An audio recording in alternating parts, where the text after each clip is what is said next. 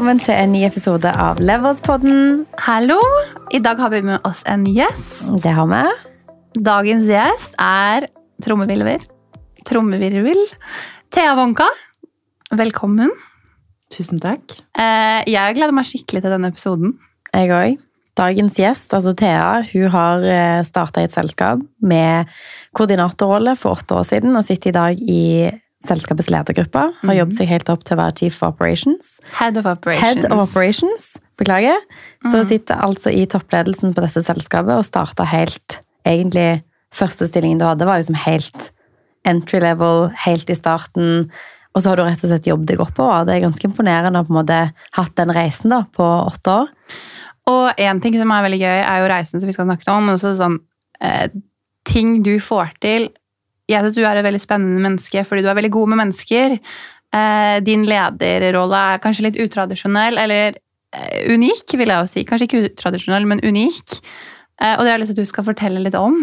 Jeg tror veldig mange har veldig mye å lære av deg, og det er akkurat derfor vi har deg her i dag.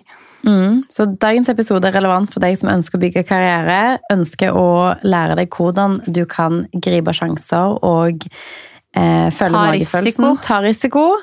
Eh, og hvordan du blir en dyktig og god leder. Litt av en intro, Thea. Litt av en intro.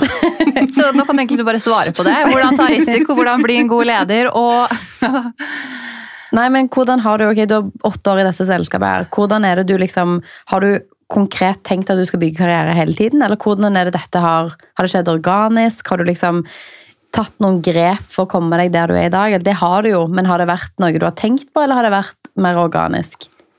Mm. Vanskelig spørsmål. Um, drivkraften i alt jeg gjør, er å være best. Det er et Ja. godt utgangspunkt. Uansett hva jeg gjør. Ja. Da er man aldri ferdig, da. Da er man aldri ferdig. Nei. Og det kommer jeg aldri til å bli. Nei. Jeg kommer alltid til å søke nye utfordringer. Um, så for meg så har det hele tiden handlet om å være best i den rollen som jeg har der og da, og det byr på nye muligheter. Og så er jeg så heldig i et, å være i et selskap som, som anerkjenner folk som har lyst til å stå på, da, og som gjør en god jobb. Som har gitt meg masse muligheter. Da jeg først ble ansatt, så var det en koordinatorstilling på et engasjement på et halvt år. Mm. Uh, og nå vil jeg jo ikke noe annet enn å være der. Jeg elsker jobben min, og jeg elsker de mulighetene som blir kastet på meg. Og det beste jeg vet, er utfordring. Og søker alltid utfordring. Så det at liksom sånn, folk som hører på her, som kanskje er ansatt på et prosjektbasis eller midlertidig, kanskje deltidsansatt i liksom et engasjement som varer i, som i ditt tilfelle, seks måneder, kan faktisk liksom se at ok, bygger du det riktig og leverer på jobben din, så kan du liksom virkelig bygge karriere, da. Ja, det vil jeg si. Men har du alltid elska jobben din? Fordi jeg vil veldig, tro at det er veldig mange som bare sånn, ok, nå er man ferdig utdannet, så skal man få seg en jobb, og så må de bare ta en jobb, ikke sant? fordi de skal opp og frem, så de må bare gjøre det som kreves av de et par år. Har det alltid vært sånn for deg, eller har du liksom egentlig, eller har du likt det du har holdt på med hele veien? Jeg har alltid elsket å jobbe. Ja. Jo, jobb har alltid vært utfordrende, og jobb har vært eh, en, en voksen utfordring, på en måte. Mm. Så jeg begynte å jobbe allerede som tolvåring. Mm. Hva gjorde du da? Da jobbet jeg i kiosken bak Brygge. Ja. Serverte softis til sommerkundene. Men det er alltid, altså, det å være selvstendig er viktig for meg. Så det å starte å tjene egne penger, det, det var viktig. Um, Når du var tolv år òg? når jeg var tolv år òg, da skulle jeg ha Miss 60-bukse. Ja. Og det fikk jo ikke jeg hjemme, så da måtte jeg jo tjene egne penger. Høy arbeidsmoral fra tidlig alder, det var Jo, det er noe med den innstillingen, da. Mm, det å på en måte komme på jobb og være klar for å jobbe og det å ta på seg utfordringer, det høres også ut som at fordi du har hatt den reisen du har hatt, så har du også tatt på deg ting og utfordringer underveis som har gjort at du har kommet deg videre til liksom neste steg. En, du har hatt et selskap som satser på deg, men du har jo òg tatt muligheter og skapt muligheter. Ja, og så har jeg alltid blitt utfordret hjemmefra på sant, du, kan, du kan komme hjem etter en dårlig dag på jobb, da, og så kan du si at eh, sjefen er så dum, dette og dette og dette skjedde. Mm. Og så har vi da sittet ved middagsbordet, og så skal mamma og pappa snu på den problemstillingen. Ja, men det er jo ikke sikkert at den personen er en dårlig leder. Du må huske at det er flere aspekter i dette. Det er ikke alltid at du vet alt. Den personen kan ha hatt en dårlig dag. Hva om du heller går tilbake og gjør det på denne måten? Så det har alltid, fra jeg var liten, handlet om at jeg kan endre situasjonen. Og jeg er den eneste som kan endre min egen situasjon. Mm. Så hele tiden jaget det å optimalisere den situasjonen som jeg er i. Og det har gitt mye muligheter. Og det er jo det jeg har gjort der jeg er i dag også. Ehm, ja, drivkraften er å være best, men for å bli best så må du jo du må ta de sjansene som blir kastet på deg, og du må rekke opp hånden og si at du ønsker mer ansvar. Du er nødt til å stille deg til disposisjon, du er nødt til å si fra hvis du er uenig, du er nødt til å si fra hvis du har en god idé. Da vil du bli lagt merke til. Mm.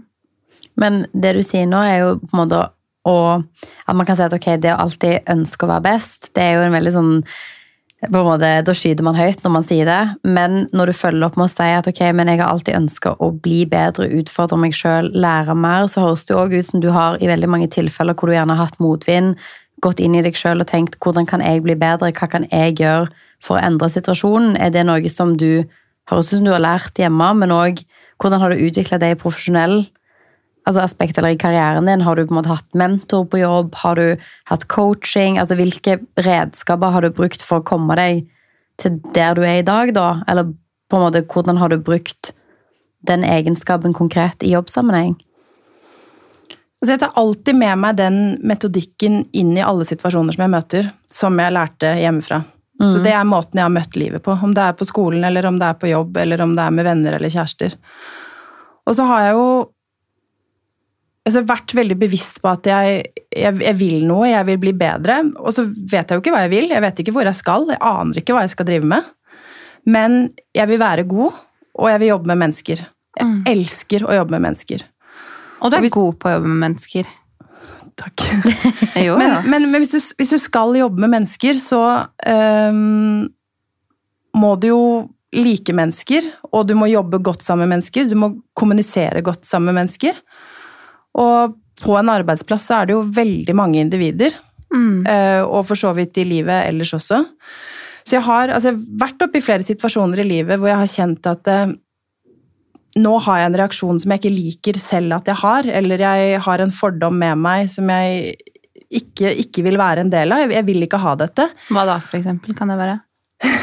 Jeg hadde en periode Vi er veldig hvor, konkrete her, så vil ha eksempler. Nei, jeg hadde en periode hvor jeg, hadde, hvor jeg kjente at jeg hadde fordommer mot det å ta kollektivtransport om morgenen. Ja. Det var vanskelig for meg. Ja. Eh, Jeg sleit med at folk eh, hadde dårlig ånde. Jeg sleit med at det, at det- det ble så intimt da, å være på, være på bussen. Mm. Eh, Så jeg gikk til jobb, selv om det tok en time. Men det, det tok jo veldig mye tid. Jeg kjente at dette her er, dette er en utfordring jeg ikke kan Jeg må gjøre noe med det. Jeg må ta det med meg. Jeg må, må jobbe med det. Eh, Og da gikk jeg i coaching. Og sa at dette her er en problemstilling som jeg står overfor, og det er sikkert egentlig også da drivende i mye annet som jeg står overfor òg. Dette må vi fjerne. Og da gikk vi gjennom forskjellige metoder og prosesser som selvfølgelig handlet om veldig mye mer enn denne fordommen mot å ta bussen om morgenen, Ja. men som, eh, som ga meg noen nye metoder i, i livet for å håndtere meg selv. Og det er flere ganger når jeg har vært oppe i situasjoner i livet som har vært ubehagelige, vanskelige, tøffe, hvor jeg har valgt å gå helt sånn konkret til en coach med det problemet for å få hjelp til å løse det problemet. Fordi jeg skal aldri komme i den situasjonen igjen. Ja, fordi De tingene som du nevner nå, er jo veldig sånn trivielle eksempler. Men den metodikken som du har lært, virker som det er overførbart til ting som er veldig reelle i arbeidslivet. Det å f.eks. møte på utfordringer når du bygger et team, det å møte på utfordringer som en leder eller når du skal lede folk. At mentaliteten din har hele tiden vært ok, jeg bruker denne metodikken til å løse et problem. Hvis jeg møter på veggen her, så lærer jeg mer. Hvordan kan jeg liksom hele tiden lære mer for å gjøre det på best mulig måte? Ja, og det har vel egentlig handlet om å liksom hvis, hvis man kommer i en situasjon da, som føles ubehagelig på en eller annen måte, klare å identifisere hva, hva er problemet i dette. Og det kan være en så triviell ting som at man ikke liker å ta, ta kollektivtransport om morgenen. Eller at man sliter med det de kaller flink pike-syndromet. da. At du ikke klarer å gi faen. Eller at du ikke klarer å gi slipp på kjæresten din, og at det ødelegger hele livet ditt. Du klarer ikke å prestere i jobb fordi du sliter med kjærlighetssorg eller dårlig samvittighet eller et eller annet. Og måten du reagerer på, er jo ofte da eh, en måte som du reagerer på overfor veldig mange andre ting også. Mm. Så jeg har liksom lært meg gjennom dette at du kan egentlig endre alt. Og så skal man jo ikke endre alt, man skal jo ta med seg personligheten sin i det. Men, men for å kunne komme fremover, for å kunne bli bedre, for å kunne få nye utfordringer og, og møte de på en god måte, da, så må man ha den tryggheten i bånn. Og da er man nødt til å eliminere noen av de utfordringene som man står overfor. Jeg vil jo si at det som personlig liksom altså sånn, Det må jo være veldig sånn, mye personlig utvikling for deg eller sånn også, fordi du, du nå kan liksom Ja, jeg vet ikke hvordan jeg skal få satt, satt ord på det, men eh, du lærer veldig mye om deg, som gjør at det er veldig, kanskje lettere å forstå andre mennesker. Jeg tror at hvis man ikke hvis man bare går i seg selv hele tiden, så tenker man jo litt som du sier at det er jeg og min vei, og jeg må endre alle hele tiden. Men da i en ledig situasjon så skjønner man kanskje litt hvor ulike mennesker kommer fra. Fordi man klarer da å gå litt ut av situasjonen og se det objektivt. Som jeg tror er en unik egenskap. Helt ærlig, hvis jeg Jeg kan godt tenke at eh, alle andre har feil, og jeg har Ja, det kan jeg òg. Jeg òg trenger å gå til coach på det. Ja, så ja, kanskje vi skal lære litt av deg. Um, Vi går til coaching hos Thea. Tar du, tar du coachingtimer? Ja. Du får to bookinger etter dette, i hvert fall. ja. Men, Nei, men, jeg, men jeg tror altså sånn, Det å hele tiden være nysgjerrig etter utvikling, da.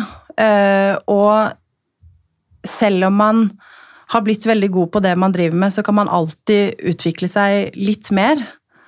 Og jeg har vært veldig opptatt av å eh, være kjent med meg selv og mine egne reaksjoner og mine egne følelser. Mm. Og så har jeg også da, jeg har faktisk gått i coaching for å lære å gi faen.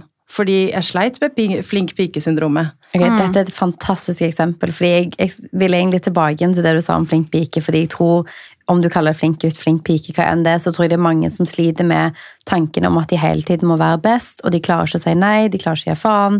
De klarer ikke veldig mange av disse tingene fordi at man har fått et sånt mønster fra man er liten at dette skal jeg klare. Jeg trenger aldri å sette begrensninger for meg sjøl. Jeg trenger aldri å si nei til ting eller du lar andre legge føringer for ditt eget liv, da. Men det å gå til coaching for å lære å gi faen, det er jo litt flink pike. Du er sånn, jeg har skjønt at jeg ikke er flink til å gi faen, så nå skal jeg være flink og lære meg å gi faen. Men samtidig fantastisk at man kan lære å si, vet du hva, nei, nå skal jeg sette grenser for meg selv. Jeg trenger på en måte ta kontrollen for disse tingene, ta risiko på min måte, og at man kan lære seg det. Hva er liksom, hva er resultatet av det? Hvordan følte du at liksom sånn, har du lært å gi faen? Kanskje litt for mye. Ja, men det er fint. Det er positivt å vite at man kan lære det. Men sånn eh, I hvilke situasjoner, eh, på en måte? Nei, jeg tror kanskje at det gjelder litt sånn alt i hele livet. Ja. Jeg er hun som sleit med Du vet den derre derre kriblingen som er vond, som oppstår i magen fordi at du gruer deg til et eller annet. Og det er noe som er langt frem i tid, og du, du lager en situasjon i hodet ditt om hvor gærent det egentlig kan gå, og så bruker du masse, masse, masse tid på å grue deg til det som potensielt kan skje Mm. når du skal gjøre det. Og det kan jo være at du skal starte ny jobb, det kan være at du skal holde et foredrag, det kan være hva som helst. Du bruker masse tid på å grue deg. Og hva er det verste som kan skje? Altså, worst case så går det drit, og så reiser du deg opp igjen. Så går det over. Ja. Jeg tror det som kanskje er fellesnevneren for alle som er i studio i dag, er vel at vi veldig sjelden har sittet med de tankene. At vi i mange situasjoner blir liksom bedt om å gjøre noe som er veldig rart. Sånn Hei, vil du ha foredrag for 500 folk eh, om to uker? Og du bare sånn Ja, greit. Det, er grenser for hvor dårlig det kan gå, tenker jeg. Men sånn, det å på en måte tryggheten i å vite at hvis man ikke For jeg har alltid tenkt at det er en personlighetstrekk som du har eller ikke har.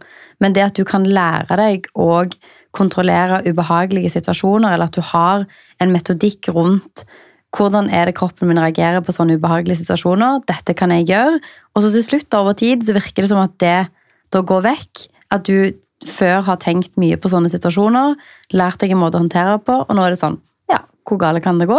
Jeg sier ja, jeg. Jeg synes også det er veldig gøy det du sier med personlighetstrekk her, fordi eh, det at du liksom er, vil være best, det at du er nysgjerrig, hele tiden higer etter ting, da, og at hele tiden skal utfordre deg selv, er det noe du har liksom lært, eller har det bare alltid vært sånn? Fordi er det, det sånn Mitt inntrykk av deg, nå kjenner jo deg, er jo at du er alltid på jakt etter noe. Det er et prosjekt, det er mye som skjer, mye energi, som er en bra liksom Sikkert fordel og ulempe, da, men at du liksom klarer å, å, å ta, ta og gjøre dette noe bra ved det her, og at du går inn i de situasjonene som er vanskelig. Men hva tror du? Jeg vet ikke. Jeg har så langt tilbake jeg kan huske, så har jeg alltid vært veldig opptatt av å bli utfordret. Men utfordret innenfor mine grenser. Så jeg er jo ikke hun som bare hopper rett utenfor et stup i, i eh, zipline, liksom. Det, det syns jeg er ubehagelig. Der vet jeg at det er et ubehag, så det unngår jeg. Men jeg søker alltid utfordring innenfor de rammene som jeg tror at jeg kan mestre. Mm. Og, og jakter alltid å bli bedre. Jeg er veldig opptatt av å få tilbakemelding. Mm. Og det har jeg alltid vært opptatt av. Kanskje til det litt kjedelige. Eh, hadde en samtale med sjefen min for ikke så lenge siden. men jeg var litt sånn, men jeg, men jeg trenger tilbakemeldinger. Og så sier hun at men jeg, men jeg gir deg jo tilbakemeldinger. Jo, men jeg trenger mer. Jeg trenger å vite hvordan jeg funket i den situasjonen. Jeg vil gjerne ha tilbakemelding på hvordan jeg går kledd, eller hvordan jeg holder på med hendene mine. Altså, jeg, trenger, jeg trenger feedback. Jeg, jeg trenger å liksom kunne modellere meg da, og tilpasse meg situasjonene. Uh, og det Ja. Og, det, liksom, og det, det handler jo egentlig ikke om det å være leder, men det handler om å optimalisere seg selv, kanskje. Få det beste ut av, av alt. Mm. Men så du har på en måte brukt tid, da. Eh, De, altså det virker som hele livet. Norge på en måte kommet fra eh, hvordan du er som person, hvordan du har vokst opp i forhold til at du har vært i et hjem hvor man hele tiden snur og vender på ting. Man eh, ønsker å forbedre seg, man ønsker å på en måte ja, snu og vende litt på perspektivene av de tingene som skjer med deg, da, kontra det man kan gjøre og endre på sjøl. Så du har startet denne jobben som koordinator. Hvordan er liksom reisen din til neste steg? For deler, i hvert fall som jeg har forstått av din reise, handler jo også om at du har vært dyktig på å forbedre deg sjøl, men òg å bygge menneskene rundt deg, bygge team. Du har veldig tidlig, uavhengig av om du har vært i en lederrolle, hatt de egenskapene. Hvordan er liksom reisen videre fra koordinator for åtte år siden? Mm, da gikk jeg inn i en prosjektlederstilling. Mm. Eh, og, da, og det handler jo om å bygge team, det òg. Du er jo en, en leder uten personalansvar, egentlig. Som beste type lederen det går an å være. Det er sweet spoten, faktisk. Og har alltid i, i den stillingen blitt veldig sånn driftet av det å bygge organisasjon. Og få eh, vi, altså Hver gang vi jobber med et prosjekt, så er vi avhengig av å knytte til oss leverandører og samarbeidspartnere, pluss da det teamet. Og, og få alt til å spille sammen. Og levere på fristen. Og det å da klare å få det beste ut av alle de som er deltakere i det teamet, har alltid vært en drivkraft for meg. Mm. Og det handler jo egentlig bare om å skape det beste produktet. Så du gikk inn med det med den holdningen der, og det gjør jo, kan jeg se for meg, at du lyktes veldig godt i den rollen. Du klarte sikkert å levere veldig godt tidsmessig, budsjettmessig. Du har sikkert solgt mye som en prosjektleder, bygd deg opp på en måte kredibilitet på det. Hvordan var det du liksom tok neste steg fra det, og da, da har du på en måte et fiktivt team, fordi du leder en gruppe med mennesker som vanligvis ikke jobber sammen. Hvordan liksom tok du det videre derfra, da? Jeg prøvde veldig lenge å eh, være veldig delaktig i organisasjonen. Å være konstruktiv til om det var rutiner eller eh, måter man skulle gjøre ting på. Hvem som skulle gjøre sånn eller sånn. Hva jeg mente at jeg selv kunne bidra med. Og hvordan vi også i selskapet kunne optimalisere driften. Så jeg har jo, eh, og det ser jeg helt fra jeg var i iskiosken på Aker Brygge, vært veldig opptatt av å ha et holistisk blikk på det jeg driver med. Mm. Det handler ikke om meg, men det handler om bedriften. Eh, og nesten alle bedrifter som eksisterer, er jo der for å være lønnsomme. Mm. Altså, eller man, man, man skal i hvert fall oppnå noe, da. Eh, og det er man jo som en ansatt en viktig spiller inn i. Og så handler det jo om å da vise Vise hvordan man Eller å posisjonere seg for å være, være den viktige brikken, da. Mm. For Det virker som du da har tatt egenskapene dine som prosjektleder. Det å optimalisere, lage struktur, se det store bildet, få folk til å samarbeide. og brukt de litt som en konsulent inn mot din egen bedrift og sagt ok, men hvorfor gjør vi sånn, kan vi gjøre sånn, her ser jeg en mulighet, kan vi utvikle oss i den retningen? Har du da vært heldig på andre siden og møtt en leder som sier du, kanskje du skal gjøre noe annet enn å være prosjektleder, for jeg ser at du har disse evnene. altså sånn, Da har man jo, du har satt deg inn i mange av de tingene som gjerne var utenfor jobben din, og hjulpet bedriften å bli mer lønnsom, mer veldrevet, kanskje. Du har gjort mer enn det jobben din egentlig krever. da, for det er veldig mange som går på jobb, er prosjektleder, leverer jobben, men du har jo på en måte tatt på deg mer ansvar. da. Sett ting, eller kanskje Vet ikke. Har du det? Ja, Men der hvor jeg er opptatt av optimalisering av meg selv, da, så er jeg jo også opptatt av optimalisering av bedriften. Mm. Eh, og, og, det har jeg Altså, jeg er jo hun som roper høyest. Jeg tenker ikke så veldig mye før jeg prater, og dundrer jo bare på. Elsker endring og leter alltid etter en måte som, som, ting kan bli bedre på. Da. Om det er at det skal være mer effektivt, om det skal være mer lønnsomt, hva som helst. Alltid. Det er alltid et jag for meg å, å klare å få til det. Og så har jeg vært veldig heldig og møtt en leder som har satt pris på de egenskapene. Så det jeg i første omgang fikk, det var jo et ansvar for prosjektlederne. Mm. Fordi at jeg hadde bevist at dette kunne jeg. Mm. Så da fikk jeg lov til å gå inn i den avdelingen og identifisere hvordan vi kunne optimalisere den avdelingen. Eh, og det var da en avdeling på tre personer. Eh, I dag er det ti. Mm. Wow. Eh, og jeg sitter fortsatt med ansvaret for, for prosjektlederne, men fikk også et, et, utvidet ansvar for egentlig da det operasjonelle i hele selskapet. Mm. Og fått lov til å ha en finger med i spillet på, på alt som skjer. Og er fortsatt en pådragsgiver for eh, endring. Det er jo fantastisk. altså sånn jeg tenker, Hvis man skal overføre dette til folk som hører på, som kanskje sitter i en bedrift hvor de har mange av de samme egenskapene, og man ser ting man ønsker å optimalisere, man har innspill sånn Det å ta liksom faktisk, det å rekke opp hånden og si hei, kan vi gjøre det på denne måten, kan jeg ta på meg disse og disse tingene?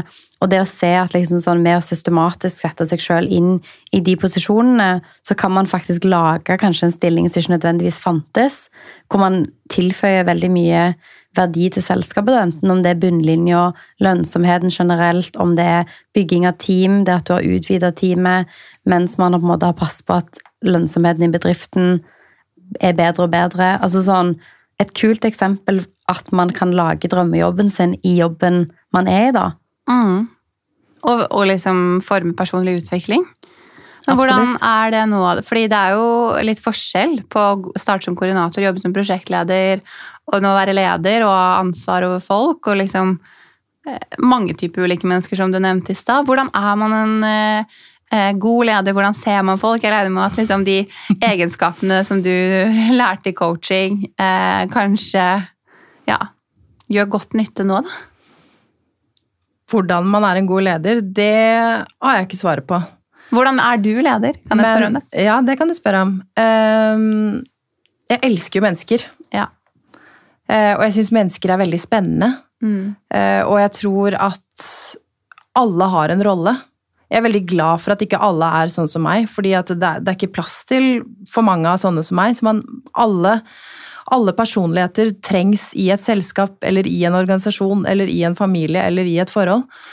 Uh, og det å anerkjenne disse forskjellighetene, det tror jeg er veldig viktig. Mm.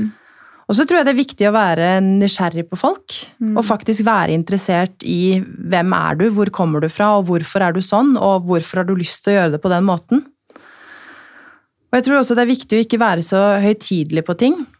Ja. Eh, jeg er glad i, glad i, endring, og jeg er glad i å gjennomføre endring, men jeg er enda mer glad i når endringen kommer fra organisasjonen.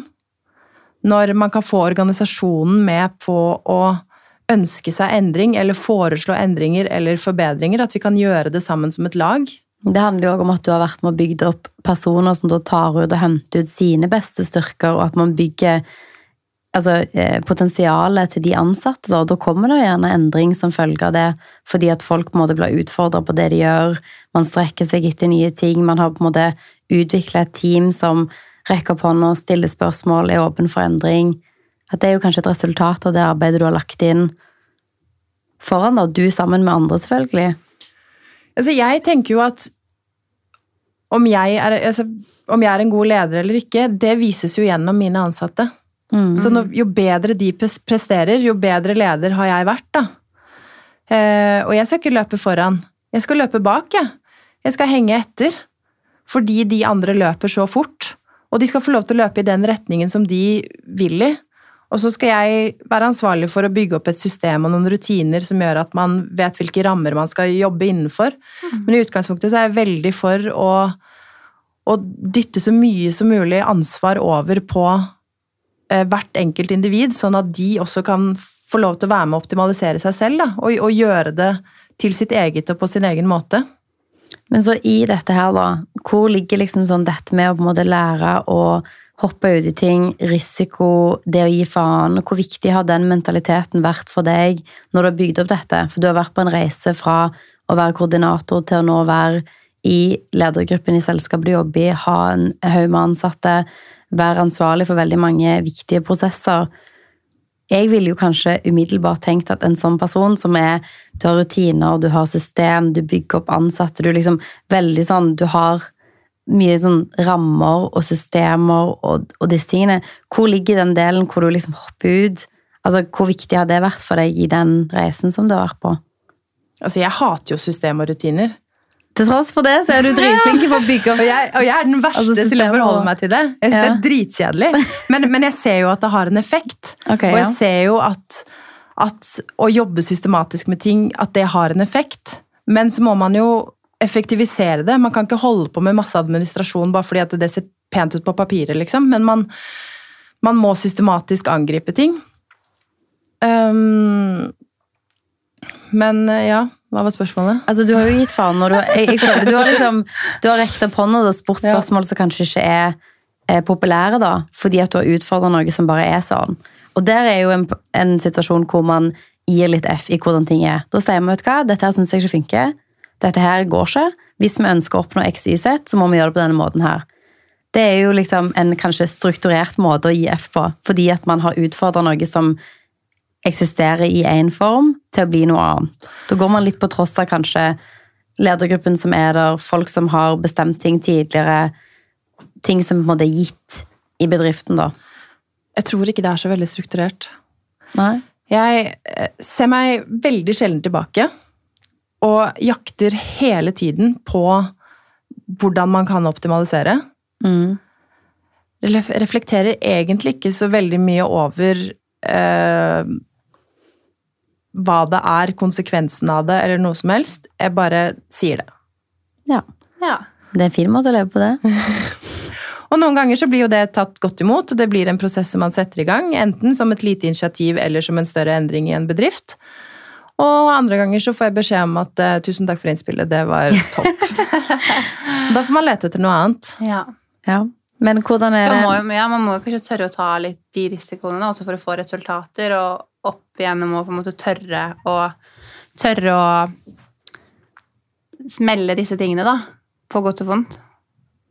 Hvordan for noen som på en måte hører på, som ønsker å på en måte ta litt mer kanskje kontroll av sitt eget liv, ta litt mer risiko, lære seg noen av de den metodikken bak på en måte det å kunne utfordre seg sjøl, kjenne på magefølelse. Hva er liksom tipsene dine? Jeg tror jo Altså, det jeg alltid gjør hvis jeg står ovenfor noe som jeg føler et ubehag for, da, det er å tenke hva er det verste som kan skje? Og det verste som kan skje, er sjelden veldig ille hvis du ser det fra et, eh, fra et utenforstående ståsted. Og hvis du i jobb er litt for proaktiv, da, mener for mye, sier noe feil, hva er det verste som kan skje? Du mister jobben. For veldig Det mange er jo det et hav av jobber der ute. Ja, det er Ja. sant. Jo, og det er, jo, men- det er jo synd man bør ha på det. Mhm. At uh, ja, ja, liksom. Det ordner seg. Det er kjipt Jo, men altså, der vi, og da. vi, vi tilbringer nesten halve dagen på, på jobb, da, og vi skal være i arbeidslivet hele livet. Du må jo elske jobben du har. Enig. Jeg er 100% enig. Og den eneste som kan gjøre noe med det, er deg selv. Hvis du vil ha noe, så må du si at du vil ha det. Og, og, det, og det verste som skjer, er jo at noen sier nei. Men Ja. da kan du jo være sur for det, istedenfor å være redd for hva som hadde skjedd hvis. Det er mye bedre å på en måte spørre. Worst case scenario, så blir det nei. Da kan du spørre et annet sted. Eller på en måte utvikle deg og spørre ok, hva kan jeg gjøre da for at dette blir et ja på et senere tidspunkt. For, Eller så kan du akseptere nei, og så kan du gå videre. Men da, Mm. da har du i hvert fall sjekket det av. Jeg kjenner en person som ville veldig gjerne søke på jobb et sted. Sendte en åpen søknad, fikk avslag ti ganger. Ellevte gangen fikk jeg jobben. Da var de så lei av søknadene. Så, men det er jo for å få motivasjon. Men jeg har to spørsmål til deg på slutten her, som jeg syns er litt morsomt. Um, hva er liksom den beste opplevelsen med å ta risiko i Som du har opplevd nå i din jobbkarriere? Eller sånn, hva er liksom det sånn Ok, jeg tok risiko, jeg fikk føler at jeg fikk gode resultater, eller jeg satt igjen med en sånn følelse. Det kan være personlig, men det kan også være liksom I forbindelse med det, har du en sånn Det husker jeg at jeg gjorde, og det er jeg stolt av at jeg satsa på. Nei. Det verste da? Nei. Går vel tilbake til at du ikke tenker så mye på de tingene som gjerne har- skjedd. Ja. Men man kan vel si at sånn, hadde du ikke tatt systematisk de valgene du har gjort, så hadde du gjerne ikke vært i den posisjonen som du er i dag. Så det er jo summen av alle de gangene hvor man har rekt opp og levert på jobben sin, utfordra, som har gjort at du er der du er, da. Ja, det kan man si. Mm. Men, men veien dit har jo altså du, du sier at det er strukturert, men det er, det er veldig lite strukturert. Altså Når man ser tilbake, så er det jo alltid sånn ok, ja, men så skjedde det, så skjedde det. Men når man er i det, så er det jo ingen struktur. Da er det jo kaos. Da tenker man jo ok, nå skjer det, kanskje noe annet skjer. Hvem vet hva som skjer neste uke eller måned. Men når du ser tilbake, og det gjør man jo sjelden, så ser man jo en form for utvikling både i deg sjøl, karrieren sin, hva som har eh, forløpet, da. Men selvfølgelig, når, det, når du står oppi det, så er det jo da er det kaos på kjøkkenet, skulle jeg si. Emilie, du liker å tracke alt i Excel, så det er veldig sånn tydelig sånn, sånn og sånn og sånn. Altså, jeg vet ikke hva jeg å gjorde i går engang. Du er veldig god på det der, ha struktur og ha en plan. Men jeg kan relatere meg litt til deg. bare sånn, Ja ja, det skjedde. Men så skjer det jo alltid. Det skjer jo aldri sånn som du hadde tenkt. Altså, både i karriere, oppstart av selskap, når man sier opp jobben, når man kjøper noe, når man Jeg har hatt så sykt mange planer for ting som har skjedd i helt annen rekkefølge. Ja. ja, det vet jeg. Men mye av det handler jo at, sånn som du sier, du tror at du kan få noe til, og med det er veldig mye gjort. Så opplevelsen av risiko blir mindre fordi at man tenker ok, dette får jeg til, eller så går det drit. Og hvis det går drit, så er ikke det det verste som kan skje. Da starter jeg på ny igjen. Og det er på en måte greit. Og det kan godt hende at det er en fantastisk mulighet. Mm. Det at du faktisk får den setbacken. Fordi at grunnen til at du har hatt en reaksjon, er kanskje fordi at du ikke trives i den situasjonen som du er i. Så det du trengte, det var det avslaget som gjorde at du gjorde det slutt med den kjæresten, sa opp den jobben, eller fant på et eller annet annet, da. Ja, jeg tror liksom summen av alt det, hvis jeg ser tilbake, så er det veldig mange ting kanskje i livet man synes har vært kjipt, men så har det på en måte vært en faktor på hvor man er i dag, da. Eller den personen man er i dag, på en måte. Man ville jo ikke vært foruten det.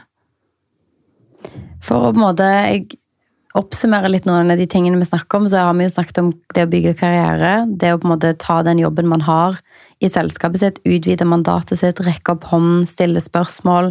Bruke en del av de tingene man har som personlige egenskaper til å videreføre karrieren sin.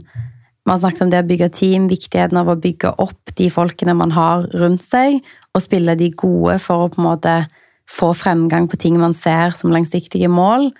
Og det å lære seg å gi faen, prøve på nytt. Det verste som kan skje, er at du får et nei, eller at du må reise deg opp igjen.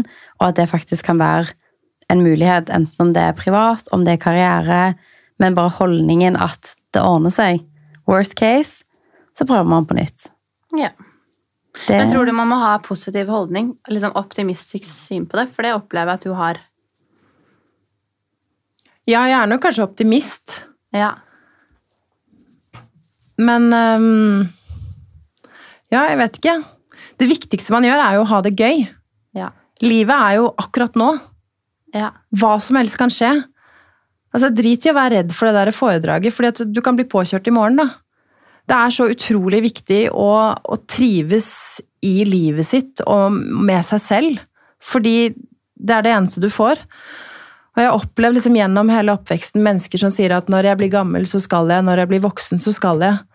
Men, men livet er jo nå. Ja. Og hvis du, Det er jo supert å ha en plan om, om et eller annet sted man skal, men ha det gøy på veien. ja. Og utrett noe. Det er jo gjennomføringsevnen Altså bare det å si at ok, når jeg blir voksen, så skal jeg det. Når jeg blir gründer, skal jeg det. Jeg skal starte en bedrift en eller annen gang. At sånn Det verste som kan skje når du har starta, er at du eventuelt er nødt til å starte på ny igjen. Og så bør man velge noe som man trives med, fordi at man har ikke så mye tid. Altså sånn, Gjør noe som du syns er gøy, som driver deg, og som på en måte utfordrer deg. Mm. Jeg syns jeg oppsummerer veldig bra. Det er utrolig spennende å høre på reisen. Eh, Jeg har lært veldig mye av deg bare på samtalen vi har hatt i dag. Tror jeg og Emilie skal til coaching. um, tror jeg. Veldig gøy. Tusen takk for at du kom. Thea takk Bonka, mine damer og herrer. Um, vi snakkes neste uke. Det gjør vi. Nytt tema. Ok, ha det. Ha det.